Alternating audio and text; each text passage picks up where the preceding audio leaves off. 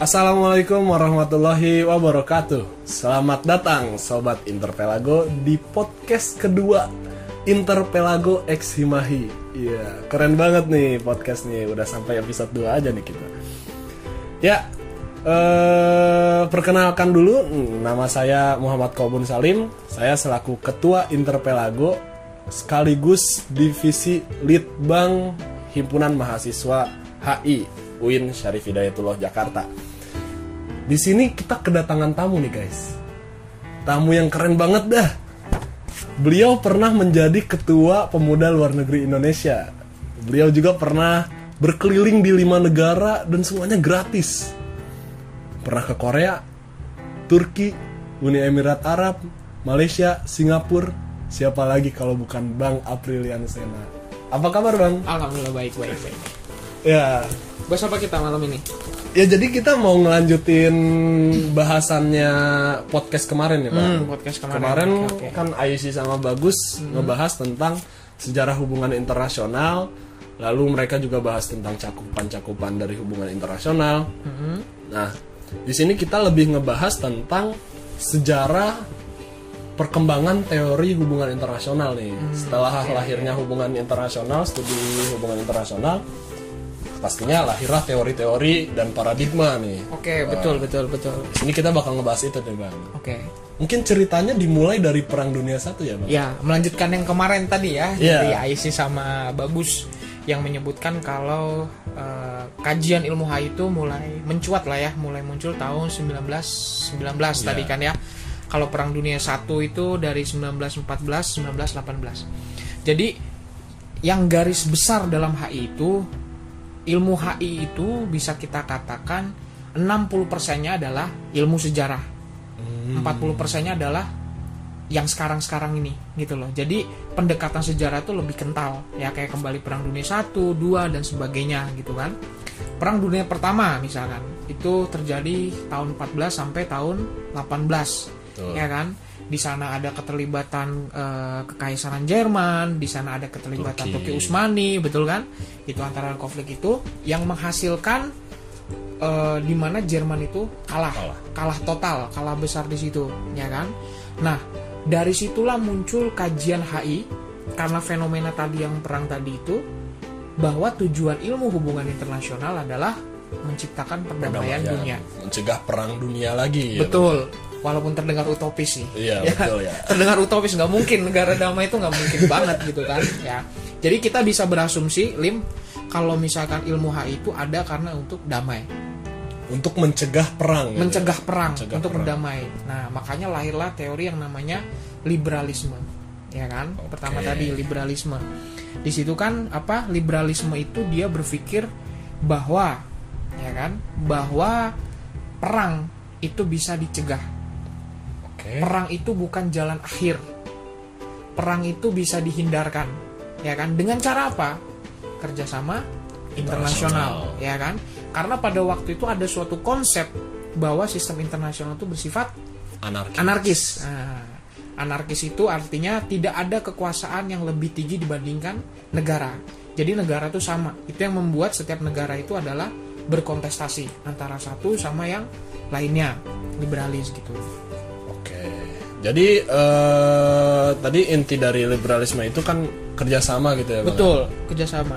Eh, apa apa aja sih aktor-aktor yang dipandang oleh liberalisme yang berperan penting dalam eh, hubungan internasional gitu di- Oh, iya. dalam liberalisme klasik ini? Nah, aktor internasional tadi ya. Iya. Nah, kita bisa melihat bahwa setelah Perang Dunia berakhir itu lahir yang namanya LBB, Iya. Liga Bangsa-Bangsa.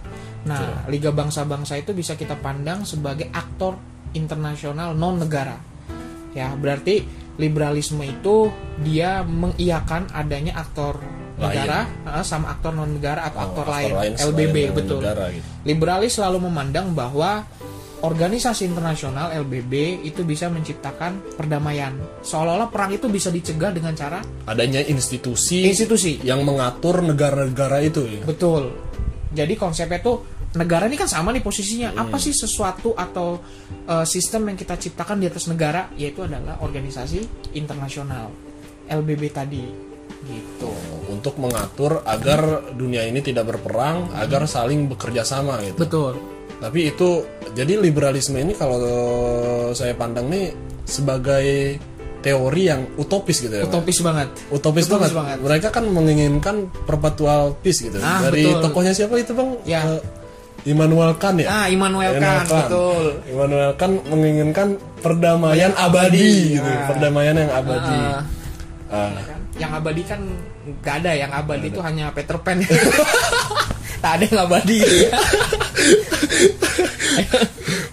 Lalu setelah liberalisme ini lahir, lahirlah produknya yang dinamakan Liga Bangsa-Bangsa. betul Namun ternyata eh, setelah kita amati Liga Bangsa-Bangsa ini gagal gitu ya. Iya.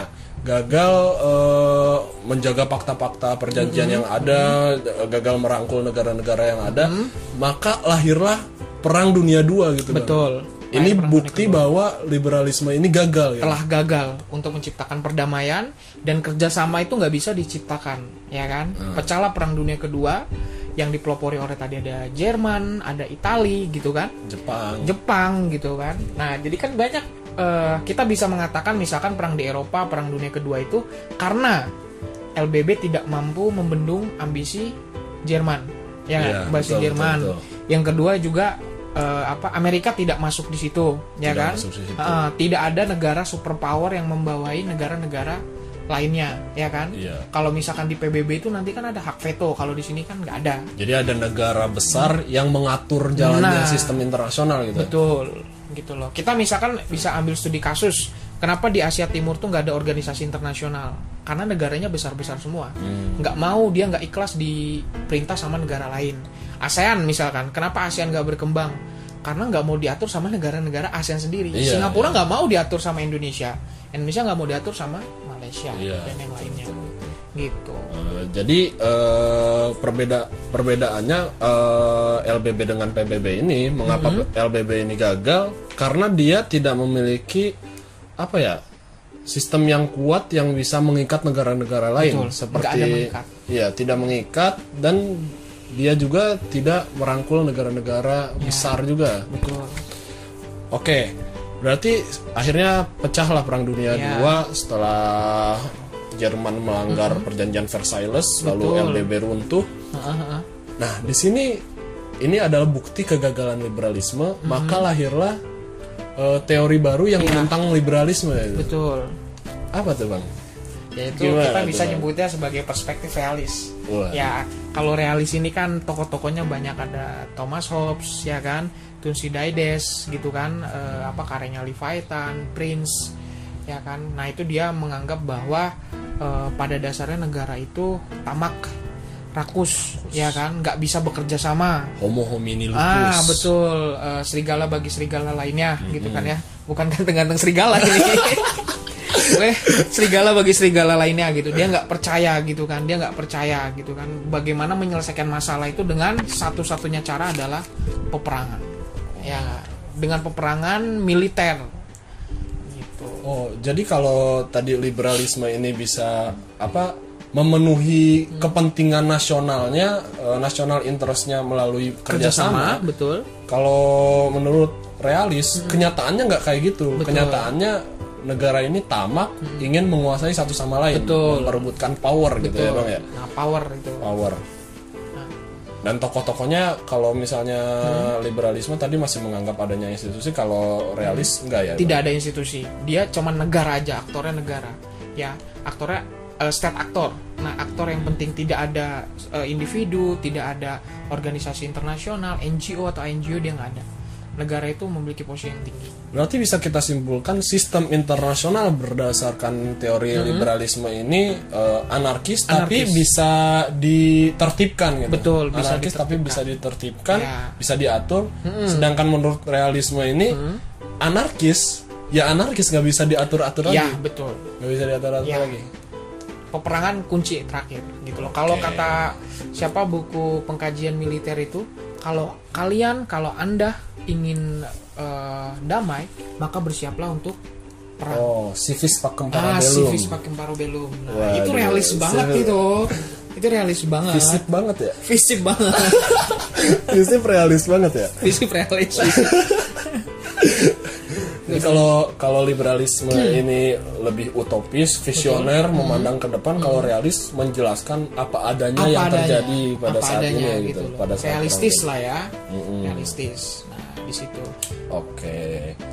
Gimana sobat Interpelago? Itu baru sampai liberalisme dan Ah, iya. realisme klasik ya, Bang ya? Betul, betul. Kita belum masuk ke neo neo neorealis, neo, neo-neo. Nah, gitu. Ya, setelah Perang Dunia II tuh akhirnya lahirlah PBB. Betul, lahirlah PBB yang penyempurnaan dari LBB, lah ya. LBB. Penyempurnaan dari LBB. Setelah itu perang dingin ya. perang dingin Di situ lahir paham-paham dua paham neo neo tadi neorealis sama neoliberalis. liberalis. Gimana tuh, Bang? Nah, paham neo-neo ini? Ini sebenarnya tamparan juga buat realis, ya kan? Jadi tadi awal eh, organisasi terbentuk, akhirnya kejadian perang. Liberalis bilang nih ini, ini salah nih liberalis nih. Negara itu nggak bisa apa kerjasama tapi bisanya perang.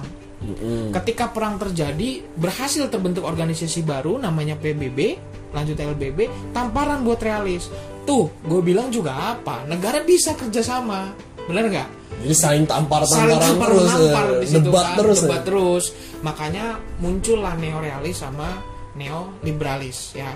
Jadi perlu diingat dasar dari neoliberalis sama neorealis ini sama. Dia bukan sesuatu yang baru tapi dia mengkritik eh, sudut pandang atau perspektif sebelumnya. Neorealis mengkritik realis neoliberalis mengkritik Eh, liberalis liberalis. gitu loh. Jadi macam-macam di Jadi menyempurnakan teori menyempurnakan. sebelumnya. sebe- Yalah, sebelumnya. betul sama kayak misalkan lahirnya Al-Quran lah menyempurnakan Injil Tabur Taurat. Oh iya iya. Usuludin gitu ya. Gitu ya jadi gitu jadi ya masuk Islam lah ya Oh, Jadi ini ini hubungan Islam ya. hubungan Islam.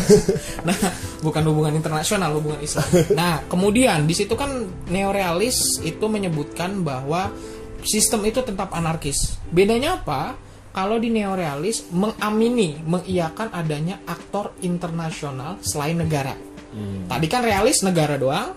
Kalau neorealis ada negara dan non negara. Non-negara. Organisasi internasional, yang lain-lainnya. Contohnya apa? PBB ya kan PBB itu negara-negara yang saling gondok-gondokan tapi bisa menyatu Hmm.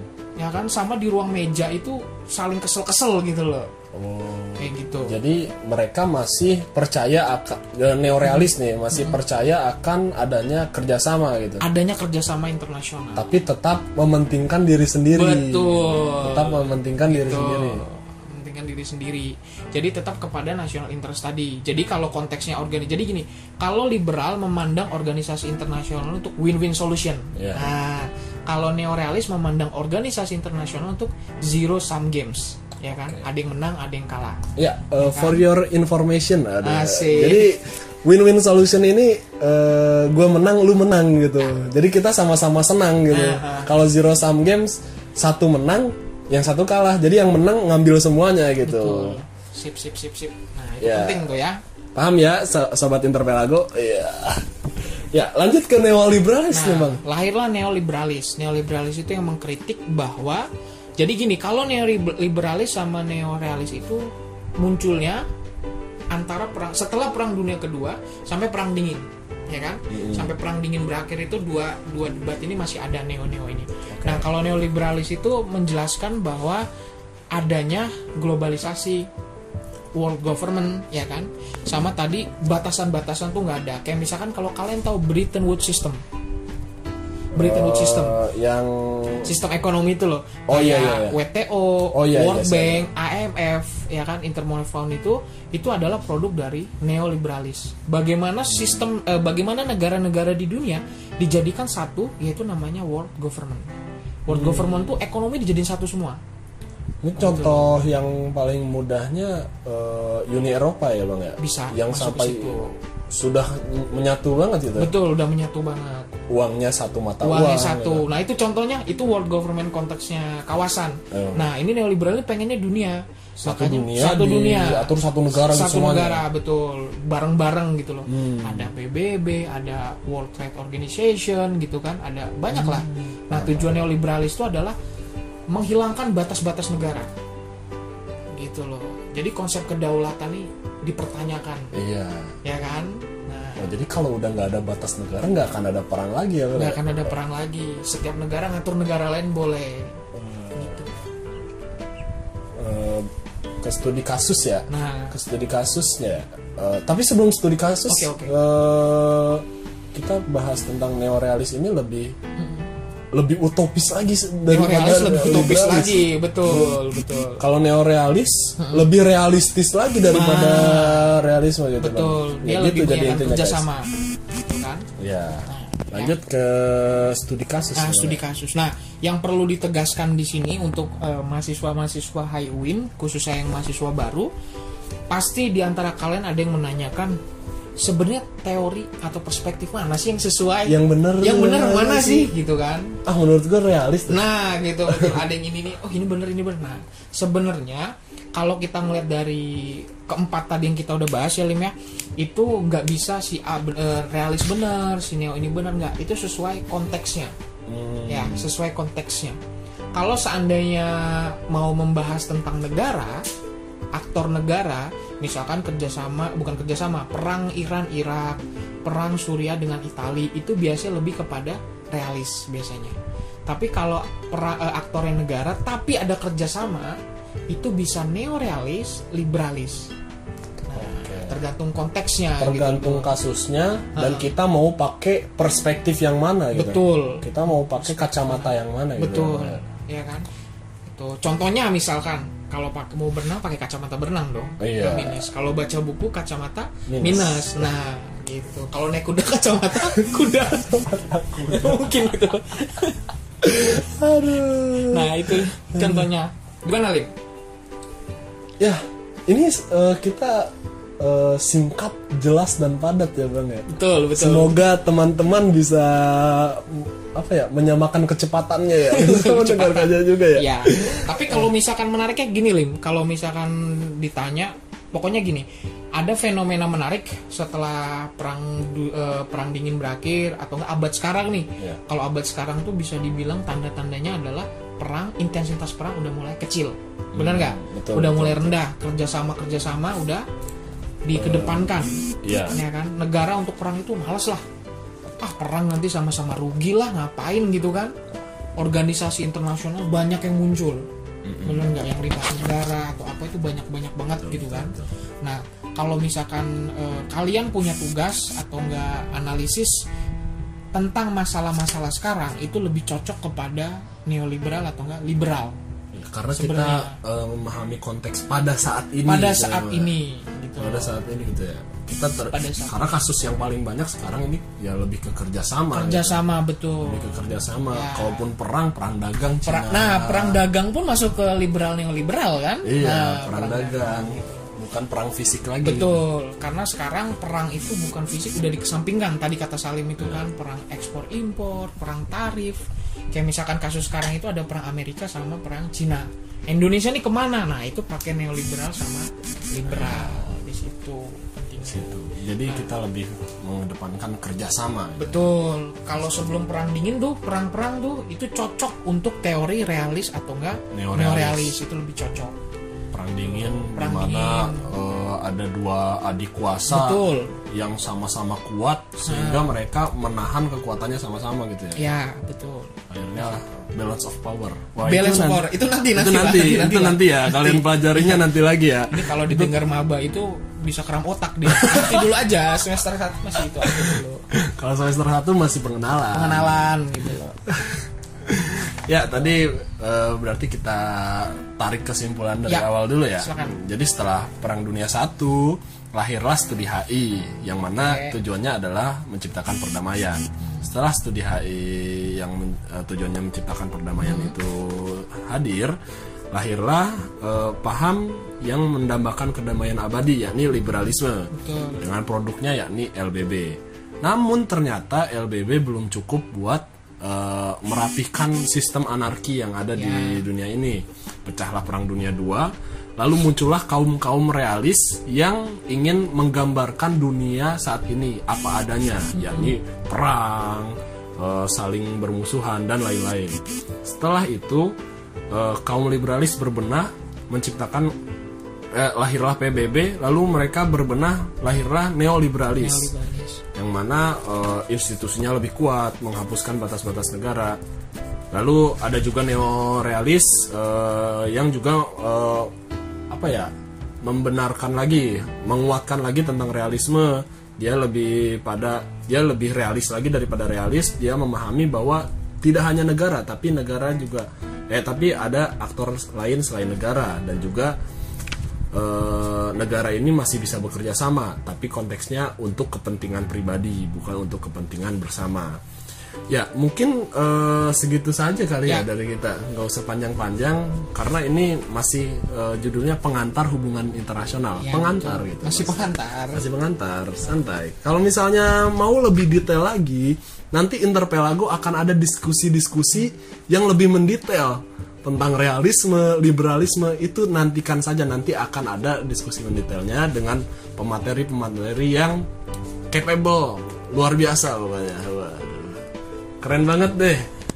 Kalian bakal dapat paper juga dari situ buat ngebantu-bantu baca-bacaan kalian. Terus bakal ada infografis-infografis yang menarik juga. Jadi ikutin terus Interpelago karena Interpelago ini adalah apa ya? eh, tempat berkembangnya kalian gitu. Tempat berkembangnya nalar kritis kalian. Ya, mungkin sekian dari kami. Ya. Eh, saya Muhammad Kalbun Salim pamit undur diri. Terima kasih sudah mendengar- mendengarkan podcast kedua Interpelago X Himahi. Think globally, act locally. Assalamualaikum warahmatullahi.